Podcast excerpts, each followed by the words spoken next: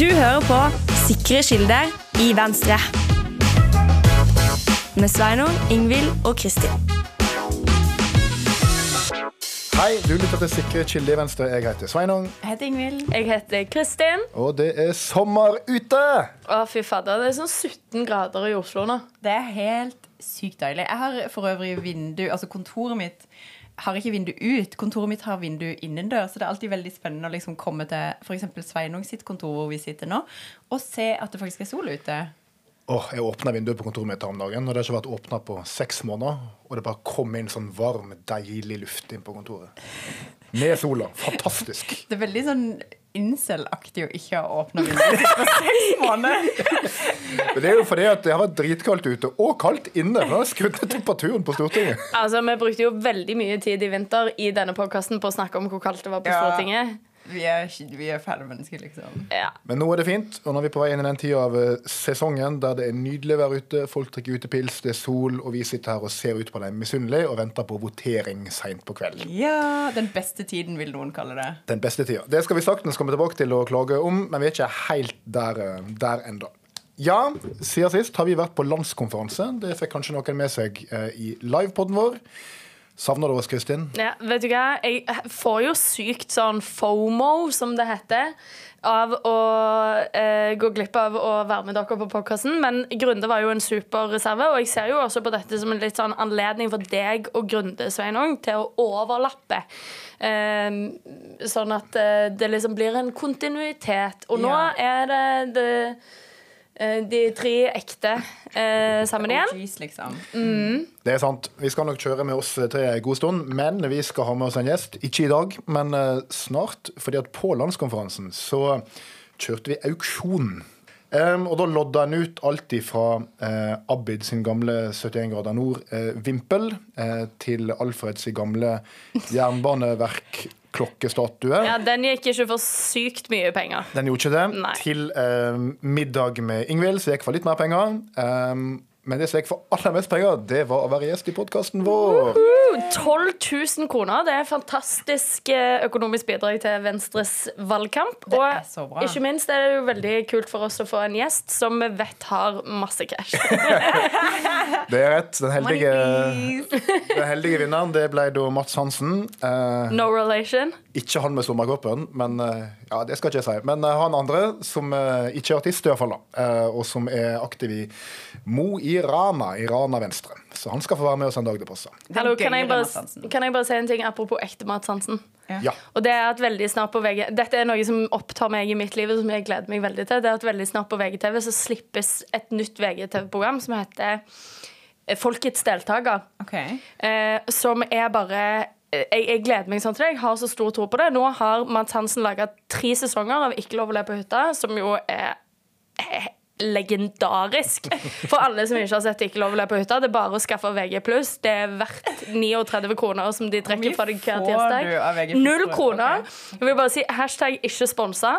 Eh, men eh, i år så har de uansett bestemt at for, Vanligvis så er det jo bare kjendiser som er med og på Ikke lov å le på hytta. Denne gangen har de bestemt at folket skal være med med en representant. Så de har holdt auditions og hatt liksom en jury som har vurdert da hvem er det som kommer til å være eh, passe inn i det formatet, hvem er det som er morsomme.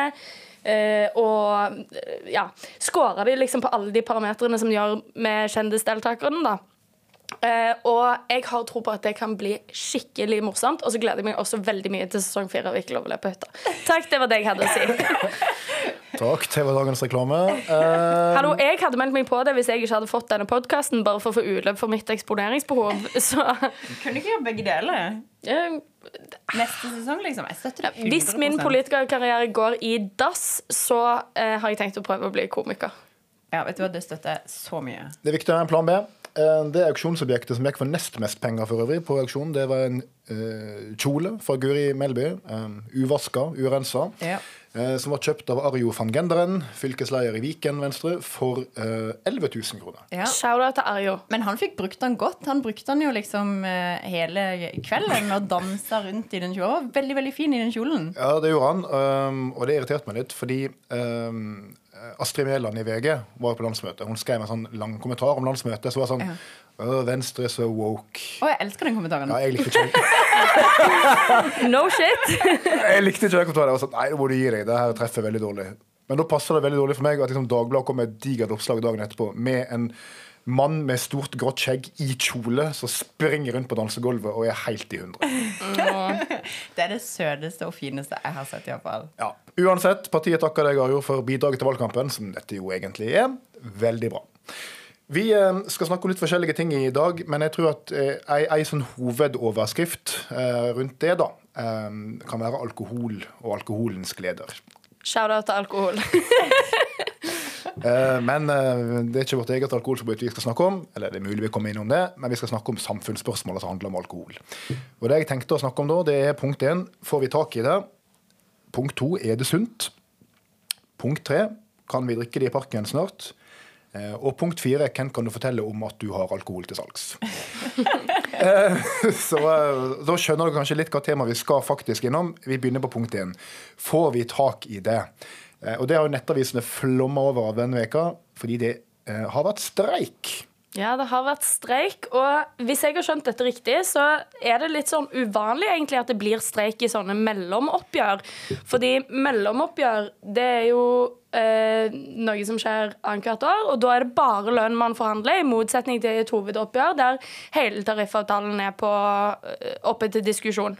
Det er helt rett. Det har ikke vært streik i mellomoppgjør i moderne tid. Og så kan jeg spørre seg hva er moderne tid? Ja, det er etter andre verdenskrig. Ja, sant? Ok, Så ikke bare veldig sjelden, det bare skjer liksom ikke. Nei, og grunnen til at det ikke skjer, er jo at måte, penger er på en måte enkelt. Ikke sant? Da skal arbeidstaker og arbeidsgiver sitte og møtes en plass på midten med lønn, og slippe å blande inn alt som har med liksom pensjonsrettigheter og prinsipp rundt arbeidstid og, og sånne litt eh, krevende ting, da. Men streik ble det.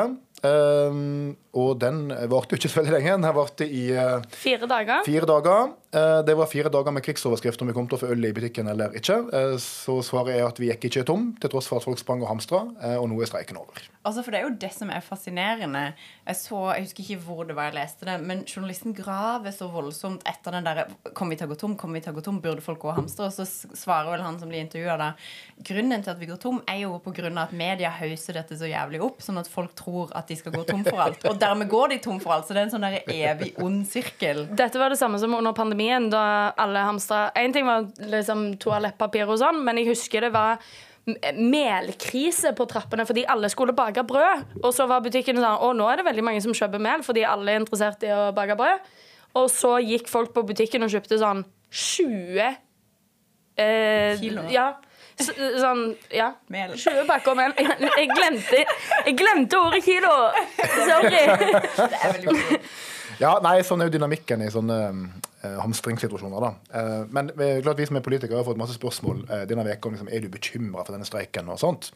Eh, og mitt ærlige svar på det har egentlig vært nei. Eh, og det er fordi at eh, jeg er veldig sjelden bekymra for streiker i privat sektor. Og det er jo det det er snakk om her. eh, i all, eh, eller det er det det er snakk om her. ikke sant? Det er frontfaget, det er private industribedrifter og bryggeri etc. Eh, og logikken i det er jo ganske enkel. og det er at sånne arbeidskonflikter der bruker å løse seg når en kjenner at kniven er på strupen. ikke sant? Når bedriftseierne kjenner at shit, hvis denne streiken pågår mye lenger nå, så kan vi gå konkurs. Eller arbeidstakerne begynner å bli bekymra for at de ikke har en jobb å gå tilbake til. Så Det er liksom en dynamikk i det. Det er litt samme som eh, SAS-streiken i fjor, f.eks., som var, var veldig dramatisk, ramma mange veldig alvorlig. Men den tar jo slutt en gang, og én gang er før SAS går konkurs. Det, det som jeg er mye mer bekymra for, er jo når det er streiker i offentlig sektor, f.eks. I, i skolen. Det var En stor streik i skolen i fjor. For da er det på en måte ingen som har noe insentiv for å få slutt på streiken. Eh, fordi finansieringa til arbeidsgiver er jo over offentlig budsjett, og streikekassene til arbeidstakerne er som regel velfylte, og de det går utover, er tredjepart. Så de kan bare gå og gå, og da ender det ofte opp i tvungen lønnsnemnd. Men det gjorde det jo ikke her. Streiken var kortvarig, eh, og bra er vel det. Veldig bra. Ja, og jeg må jo bare kort hånd, altså Det de har streika om, er jo altså økt kjøpekraft fordi at vi er i en dyr tid. Så det er jo på en måte basically det det har gått ut for. Bare for å være litt sånn seriøs først, da.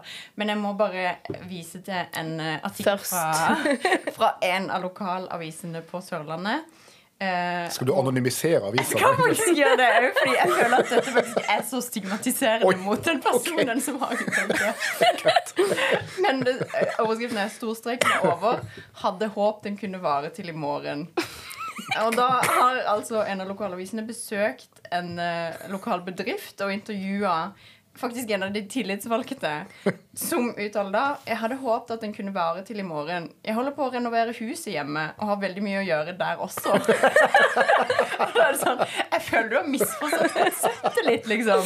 Og med noen, her burde noen med kommunikasjonsfaglig kompetanse ha vært på banen og sagt sånn nå, nå, nå, nå ødelegger du litt for liksom the case her, liksom. Men jeg bekrefter liksom vårt inntrykk av Sørlandet. At det, det er sånn trivelig der nede.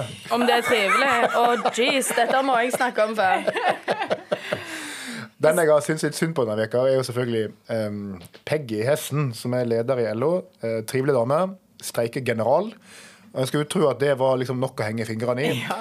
Men i tillegg så er Peggy Hessen leder i valgkomiteen i Arbeiderpartiet. Altså, for en nightmare. Som er i innspurten akkurat nå. Det har nok folk sett med seg i avisene. For nå er det liksom push-varsel i alle medier om hvem som blir vraka, og hvem som takker ja, og hvem som er mot hvem.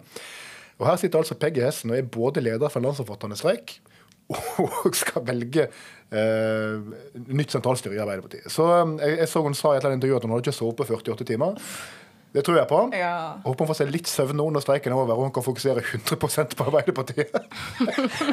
Er det liksom noe, er det ikke fint å ha en litt sånn en velkommen distraksjon fra liksom den shitshowen som er at absolutt alle skal ha en av disse posisjonene i Arbeiderpartiet? Det er nok det.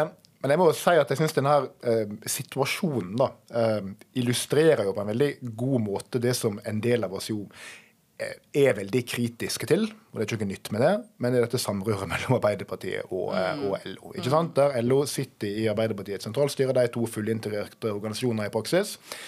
Um, og De forsvarer jo det med historien og at det er viktig med en brei arbeiderbevegelse og den faglige politiske arm og den partipolitiske arm og alt det der. Men du er jo altså i en situasjon der lederen i LO, som eh, står i en forferdelig krevende situasjon, leder en nasjonalstreik. Og som vi vet, det kan jo fort, eh, fort ende opp i situasjoner der regjeringa må gripe inn med tvungen lønnsnemnd. Det det har skjedd mange ganger. Så sitter altså lederen i LO, og samtidig som hun leder den streiken, er hun leder i valgkomiteen i Arbeiderpartiet, som sitter i regjering, og skal bl.a. ta stilling til hvorvidt arbeidsministeren, som sitter i sentralstyret i Arbeiderpartiet, skal få gjenvalg. Arbeidsministeren er den som har ansvaret for om en skal gå inn med tvungen lønnsnemnd eller ikke. Og det her sammenfaller jo i tid. Så det illustrerer jo på en helt sånn spektakulær måte, mener jeg, hvorfor dette hopehavet mellom de to eh, mildt sagt er grunn til å stille spørsmål ved. Og Det er ingenting ulovlig ved det. Det skjer i full åpenhet. Eh, hvis de vil, så får de bare fortsette med det. Men jeg forbeholder meg retten til å mene at det her burde de slutte med. altså. Ja, 100% Altså virkelig.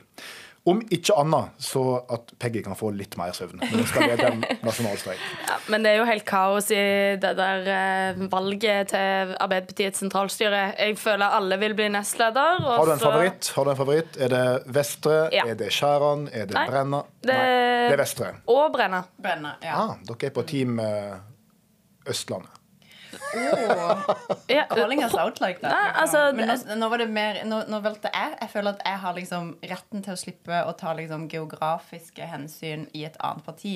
For nå så jeg liksom bare på hvilke personer Ja. jeg likte best. egentlig. Ja, det gjorde jeg òg. Og det er egentlig sånn jeg, Hvis jeg skal tenke litt mer taktisk, så vil jeg kanskje ikke ha Ja. Vestre og Brenna. Enig. For det, jeg har jo ikke lyst til at de skal ha liksom, de flinkeste folka sine i partiledelsen, så da sier jeg ja til noen sånne Vet ikke. Noen, noen andre. De, de kan sette noen som ingen vet navnet på, f.eks. Det, hadde- det hadde vært fint for, for Venstre. Men Du tenker det er taktisk smart for Arbeiderpartiet å ha to mannlige multimillionærer fra Oslo i, sånn, i ledelsen?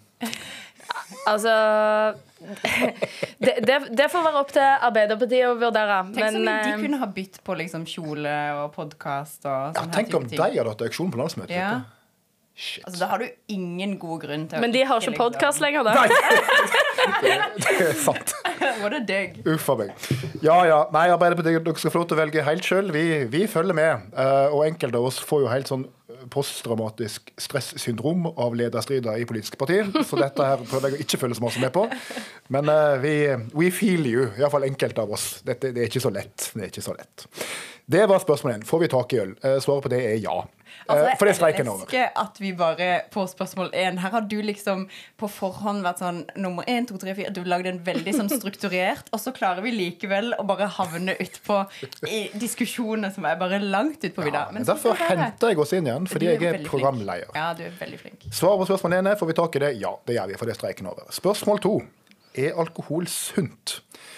Og grunnen til at det er et spørsmål, er selvsagt at Eh, som lytter av denne podkasten vet, blir det nå utarbeida nye kostholdsråd. Vi har snakka grundig om eh, råd om hvor mye rødt kjøtt en bør ete. Det tok vi for to episoder siden. Men det som har fått fokus denne veka, idet sola gløtta fram, temperaturen steig, folk fikk utepilsen i sikte etter mange tunge måneder, det er forslaget til råd om at tilrådd alkoholmengde er null. Hva tenker du om det, hvordan? Kristin? Jeg jeg bare følte begge så veldig på meg. Er det fordi jeg har sagt at interessen min er å være på pub? Kanskje litt. Nei, altså um, jeg, jeg håper å si det, det, Dette kan ikke være ekte eksperter. Nei, where are you? jeg bare tuller. Altså uh, Ja. Nei, det var det som skulle til for å få meg til å bli en i klynge, da. Nei da. Ehm, hva jeg tenker om det Jeg er ikke så veldig overraska, egentlig. Tidligere har de vel sagt at eh, det meste man kan drikke, er to enheter om dagen. Som tilsvarer to 033 bokser med pils. Eh, for eksempel, hvis eh, det er det man eh, Ja, om dagen. Eh, og at de nå ønsker å sette det til null. Jeg tenker at Det viktigste med de nasjonale kostholdsrådene, i den grad man bør ha sånne ting, er jo at de er godt faglig fundert, og så får det heller være opp til den enkelte om de vil ta den risikoen som det innebærer å ikke følge de. Um, vi får se hva jeg velger. Jeg uh, drikker masse alkohol. Jeg har uh, under ingen omstendighet vært i den villfarelse at jeg tror dette er sunt for meg. Eh, tvert imot. så har jeg fått beskjed i mange anledninger fra fastleger og andre om at det er lurt å ikke drikke alkohol i særlig grad, osv. Så, videre. så jeg mener jo egentlig da at det her illustrerer veldig godt faktisk det poenget vi hadde når vi diskuterte rødt kjøtt. Og det at liksom, Fag er én ting, hva er sunt for deg? Men så må den enkelte ta et valg da, eh, om hva, hva livet en vil leve. Jeg husker veldig godt eh, på dette Unge Venstres sommerleir for mange år siden. Da Lars Fredrik Svendsen holdt foredrag. Han er da filosof, eh, jobber i tanke, eh, tenketanken Civita. Og han holdt et foredrag om frihet. Og da kom han litt innom dette her. Eh, hva er sunt for deg? Og så husker jeg han sa at eh, jeg vil heller leve til jeg er 84 eh, og ete bacon, enn å leve til jeg er 85 og bare ete rotfrukter. Det er jo selvfølgelig hans valg, men det setter det veldig sånn, syns jeg, godt på spissen. da. Altså, Det er mange ting som er sunt for deg. Lurt. Følg det hvis du vil. Men hvis du finner større glede i å leve et mildt, usunt liv, ja vel, så gjør du det. det er Helt ditt-. Det er ditt liv. Ja, altså så jeg tenker jo moderasjon er en, eh, en fin pekepinn å innrette seg etter. Men du var jo beinhard på kostholdsrådet sist, Ingvild. At rødt kjøtt, det, du støtter 100 den anbefalinga om å spise mindre av det. Ja, støtter du, støtter du din anbefaling om å drikke mindre alkohol? Selvfølgelig støtter det som en anbefaling. Kommer jeg til å slutte å drikke alkohol? Nei, det gjør jeg ikke. Ja. Så vi er liksom enige om at den er grei. Vi tar ikke hensyn til det. Eksakt. Men hyggelig at dere har brukt masse tid på å komme fram til dette, og så bare forholder vi oss ikke til det. Men det kan jo være en slags oppvekker, da. Kanskje folk får et mer reflektert forhold Kanskje det er noen som ikke vet hvor eh, skadelig det faktisk er. At man får et mer reflektert forhold til eget alkoholkonsum, da. Ja, jeg tror i hvert fall det er litt um, Hvis jeg skal våge en, um, en uh, generalisering, da, så det er ganske mange rundt omkring i landet um, som sitter på lørdagskveldene og liksom er godt nede i kartongen med rødvin. Og har leita opp en eller annen artikkel på internett som sier at det er sunt å drikke rødvin. Ja. For, det, for det gjør de i Italia, og de er veldig sunne. Ja, men det er noe sånt Det der tror jeg faktisk at mange tror på ekte. Ja, at, fortsatt, rød- og, og, liksom. men rødvin, at det liksom er en sånn spesiell greie. For Ja. det jeg lurer på om det er noe sånt der blodfortynnende hjelper mot blodpropp eller noe sånt. Dette er noe noen i min familie har fortalt meg legit. Ja, nei, så det, det, det, det skader kanskje ikke at det kommer litt mer info i monitor om at det er ikke så lurt for deg. Men så er det en del ting med liksom det utvida folkehelsebegrepet. da. Altså, Nå blir dette bare spekulasjon fra min side, selvfølgelig, for jeg kan ingenting om det. Men jeg innbiller meg jo at det å drikke alkohol i ulike sammenhenger F.eks. en utepils når sola skinner, eller liksom godt glass vin til god mat med gode venner. Det kan jo kanskje være noe sånn psykisk velvære i det, da. eh, Å få liksom senka garden litt og snakke med gode venner og alt det der. da. Så om det er så sunt for levra di og kroppen din, er kanskje ikke sikkert. Men uh, folk finner noe stor glede i det òg, da. Og glede skal ikke undervurdere. Enig. Ok, Så svaret på spørsmål to er det sunt. Uh, vi får det sannsynligvis ikke, men Ja. det kommer ikke vi vi hensyn oss til. Ok, bra. Spørsmål tre. Eh, kan vi drikke dette i parken? Svaret burde jo være ja. Men det er Nei, foreløpig ikke. Eller men, eh, alle gjør jo det uansett, liksom. Så det er jo bare sånn Kan man bare tillate det, sånn at folk slipper å kjenne på at når de sitter i parken og drikker pils, så føler de at eh, nå gjør jeg noe som er litt ulovlig, og tenk om det kommer noen og tar meg. Det er veldig morsomt det der at liksom, du snakker om pils i park. For det er jo sånn den politiske greia. Vi må tillate pils i park. Men det finnes jo ingen lovparagraf der det står du har ikke lov å drikke pils i park. Det det er snakk om, er jo drikking på offentlig sted. Ja. Absolutt. Så, det er jo, så pils i park og sprit i gata er jo på en måte likestilt sånn sett. da. Jeg husker da Høyres landsmøte for noen år siden faktisk gikk inn for å tillate det. her. Da var liksom forslaget vi vil tillate pils i park.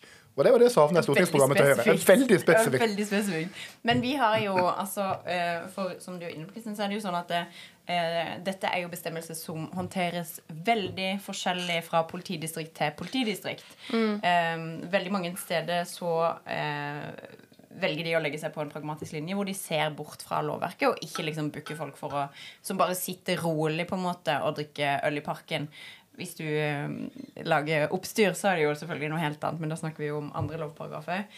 Men dette er jo veldig uforutsigbart. Altså hvilken kommune du befinner deg i, hvilket politidistrikt du, befinner deg i. Så Venstre har jo faktisk foreslått på Stortinget at det skal være opp til eh, hver enkelt kommune å regulere konsum av alkohol på offentlig sted.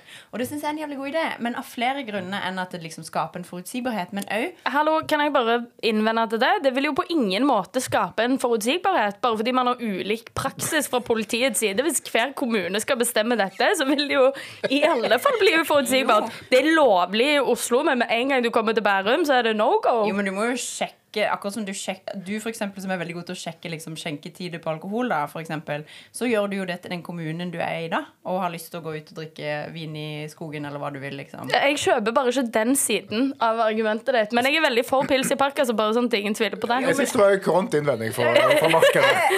Ja. Jeg er enig. Men et annet viktig poeng er jo òg altså, Fordi et av argumentene mot dette er jo sånn Å, men vi må ha noen soner liksom, hvor barn kan være uten at de eh, blir utsatt for mennesker som er berusa. Denne type ting. Og hvis du da er opp til kommunene, så vil jo de kunne liksom bestemme Ok, dette området, her er det en lekeplass. Her skal du ikke få lov å konsumere alkohol. Da kan du sette opp et skilt, Du kan sette opp et skilt, Kristin, og så kan folk se Ok, her er det ølfri sone. Derfor holder vi oss til det. Nettopp.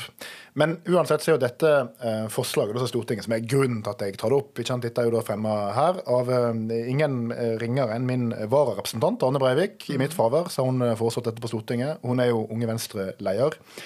Og det er jo eh, en langvarig tradisjon at Unge Venstre-ledere har et eller annet avisutspill sånn tidlig i agurksesongen, tidlig i juli, om at nå må vi tillate pils i park. Men jeg føler det som Unge Venstre liksom foreslår som et representantforslag på Stortinget, det er litt, det er litt for tatt det, Det er hakket hvassere. hakket hvassere. Det er det. Det som er litt morsomt med det her, er at det er faktisk ikke helt utenkelig at det går igjennom. Er det sant? Det, er en, det skal litt til, eh, men hør nå. Eh, Høyre er for det her. Venstre er for det her. Frp er åpenbart for det her. Vi har ikke flertall. Men partiet SV de er jo av og til litt sånn alkoholliberale. De, de, de slumper til det iblant. Det er litt avhengig av hvem som, hva fot de står opp med om morgenen, tror jeg. Så hvis SV finner ut at ja, kanskje skal kommunene få bestemme det her sjøl, well, well, well. Lokalt selvstyre. Og ikke minst vil jeg framheve det som ikke ble nevnt i stad, det er faktisk et sånn sosialt aspekt ved dette her.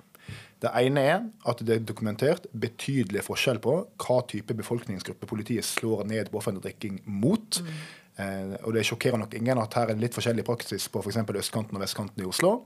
Det kan dere i SV merke dere. Og det andre er at hvem er det som um, bruker parkene våre mest? Det er de som bor i små leiligheter, som ikke har store hager, ofte unge studenter. Det så vi veldig i pandemien, hvor viktig det var for dem.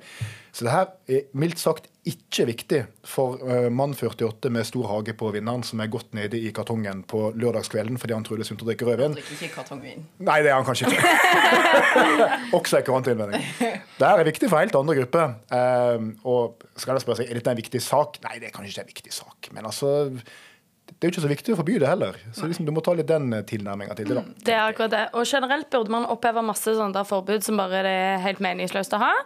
Og så syns jeg også at SV skal bli med på dette, fordi at det, er sånn det er kanskje rart å si at pils i park er sosialt utjevnende, men det var jo det litt du egentlig var inne på i stad også. Men det er veldig dyrt å gå på bar.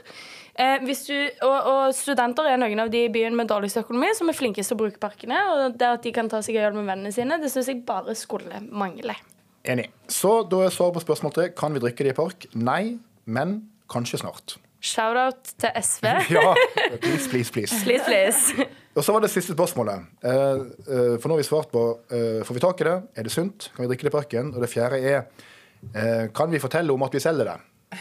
Ja, og Svaret på det er også nei, men burde også være ja. Men hvorfor er det relevant å ta opp nå? Kristin? Nei, altså Vi har jo snakka litt om dette i ditt fravær, fordi Grunde, din vikar, han har jo en, det Ingvild kaller for mørk fortid som skjenkekontrollør. Eh, og han har forklart oss gjentatte ganger at norsk alkohollovgivning er såpass komplisert at den er umulig å anvende i praksis. Også for noen som er skjenkekontrollør. Og da har vi vært en del inne på dette med reklameforbudet. Og det er alt fra at du ikke får lov til å ha sånne matter, eksempel, du vet sånn matter som du setter øl oppå, der det står Ringnes, med mindre den liksom er vendt inn mot bartender. Så lenge den er det, er det greit, men den kan ikke være vendt ut mot kunden. Masse sånne små, rare ting. At man ikke har lov å servere dette fortalte grunner som, eh, servere vann i ølglass til eh, kunder på bar. Det er også eh, brudd på reklameforbudet. Og så har vi funnet mange eksempler. Ingvild fant noen som bare hadde tatt et bilde av noen druer og lagt ut på Instagram. Det var for drøyt. Siste eksempel nå kommer fra Stavanger. Der er det en bar som heter Matros. Det er en vinbar. Og eh, som dekor har de valgt å bruke tomme vinflasker som lysestaker. Du vet sånn, Mange har dette hjemme. sant? At liksom, jo, jeg, jeg føler det.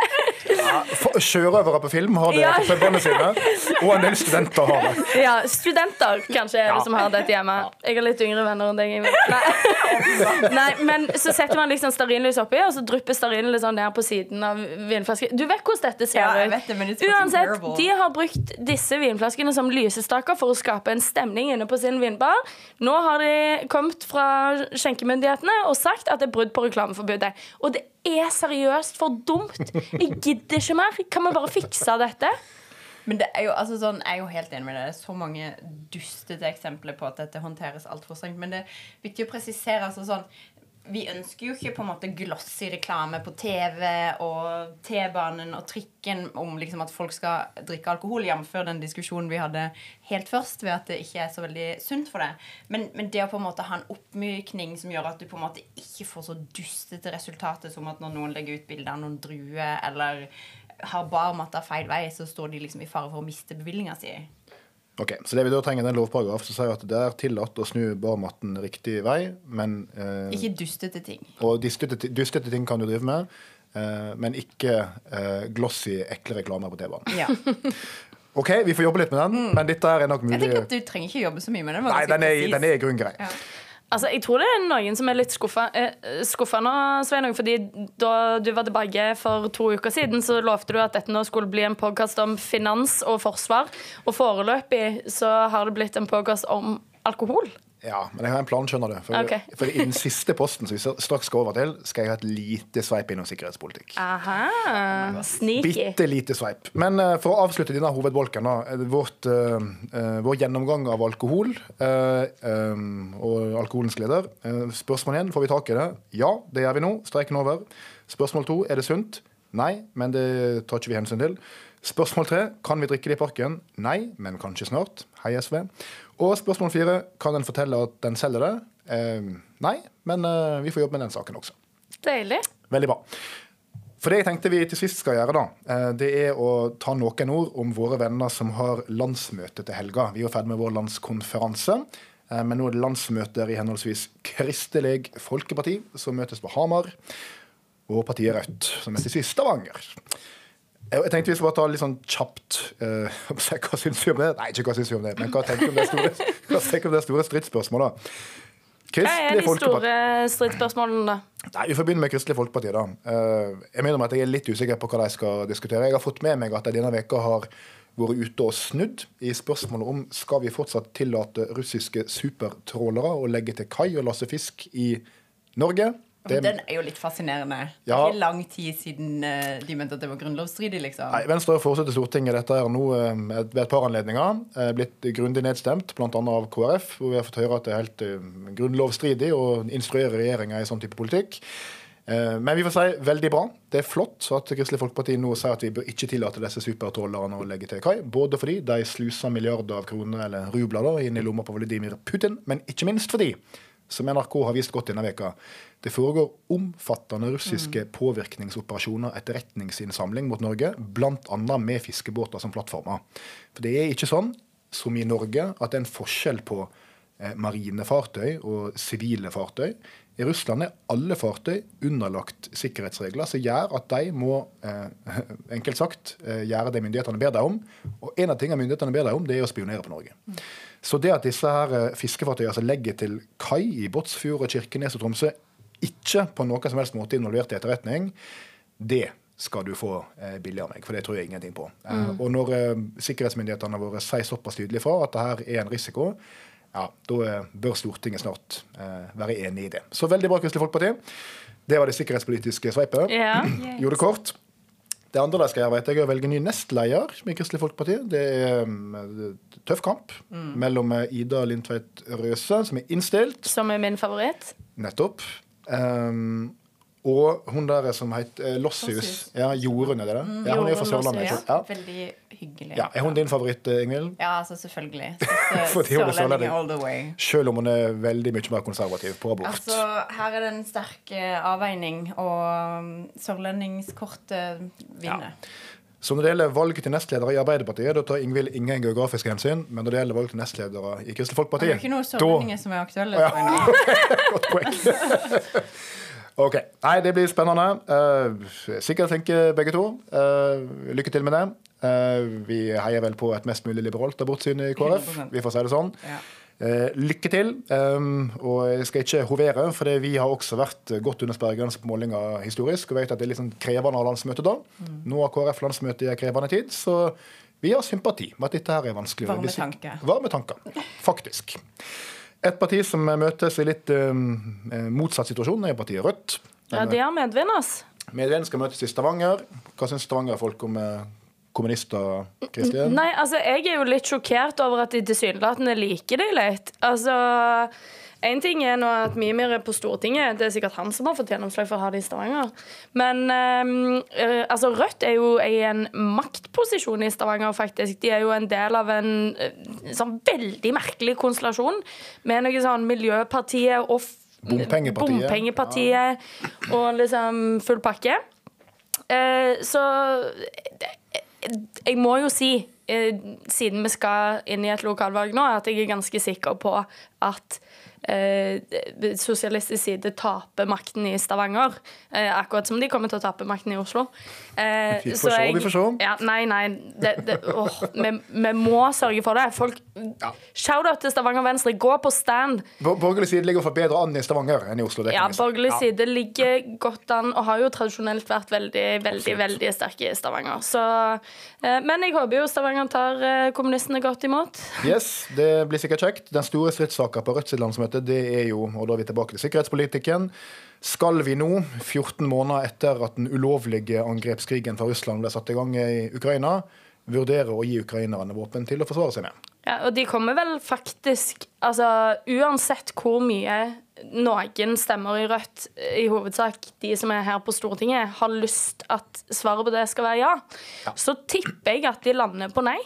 Tror du det? Ja. Selv om åtte av ni, ni- nei, sju av åtte stortingsrepresentanter og sentralledelsen eh, går for ja, så tror du at det blir nei? Ja, jeg Ja. tror det. Fordi Fordi at man skal aldri undervurdere de der gammelkommunistene i Rødt. Og det, jeg mener det. Jeg tør ikke å håpe på at de skal gå for ja, altså. Altså Det som tilsier at de ikke vil lytte til ledelsen, det er jo at partiet, jo et, eh, partiet Rødt er på en måte stifta på å være mot ledelse. Um, og det sier de jo sjøl, at det er en sånn anti-autoritær um, streak i det landsmøtet. Eh, så det at ledelsen er for, kan fort tilsi at de gjør det motsatte. Og ikke minst, som er veldig interessant for de som er opptatt av organisasjonsstruktur og sånt, der et venstrelandsmøte jo er sammensatt av delegater fra de ulike fylkeslagene basert på eh, valgresultat og medlemstall, pluss sentralledelsen, så er landsmøtet i Rødt sammensatt av ikke sentralledelsen, de har ikke stemmerett, og ikke fylkeslag, men lokallaga. Og lokallaga sender ikke delegater basert på verken valgresultat eller medlemstall. De eh, sender én hver, med unntak av de aller største som får lov til å sende to. Så det betyr at f.eks. Kristiansand Rødt, eh, som har så vidt jeg husker eh, 250 medlemmer, la seg i ei avis ja, Veldig så du har innsikt i medlemssituasjonen i Rødt. Følg med, følg med. Ja. Eh, Ca. 250 medlemmer i Kristiansand Rødt, der er én delegat. Um, mens Rødts studentlag i Stavanger, som har seks medlemmer, har også én delegat. Å, fy fader. Så det her er et veldig uforutsigbart landsmøte. det kan bli spennende. Så vi får si lykke til. Uh, og det er jo fristende å liksom hovere over at Rødt ennå ikke har blitt for dette. her. Jeg gjorde kanskje det litt i innledninga mi. Men jeg vil velge å være raus her òg, faktisk. Du har troen? Um, nei, det har jeg kanskje ikke, men jeg vil velge å være raus hvis de går inn for det. Og si følgende. Partiet Rødt er jo uh, stifta på å være mot USA, mot Nato, eh, mot krig generelt. Det er jo, de ser jo på seg selv som et fredsparti. Så det at de kanskje går inn for at vi skal sende offensive, svære våpensystem til Ukraina for å drive krig, jeg skjønner at det er et stort steg for partiet Rødt. Jeg har full forståelse for det. Så mener jeg at det er et åpenbart riktig steg. Men, eh, men jeg, jeg kan nok om liksom partiet sine indre liv til å skjønne at dette er noe vanskelig for dem. Så hvis dere gjør det, skal dere få oppriktig applaus fra oss Å, i neste podkast? i neste podkast. Okay. Som eh, kommer i din spiller uh, om ei ukes tid, får vi satse på. Men dette var denne podkasten. Du har lytta til Sikre kilder i Venstre. Ha det bra. Ha det. Ha det.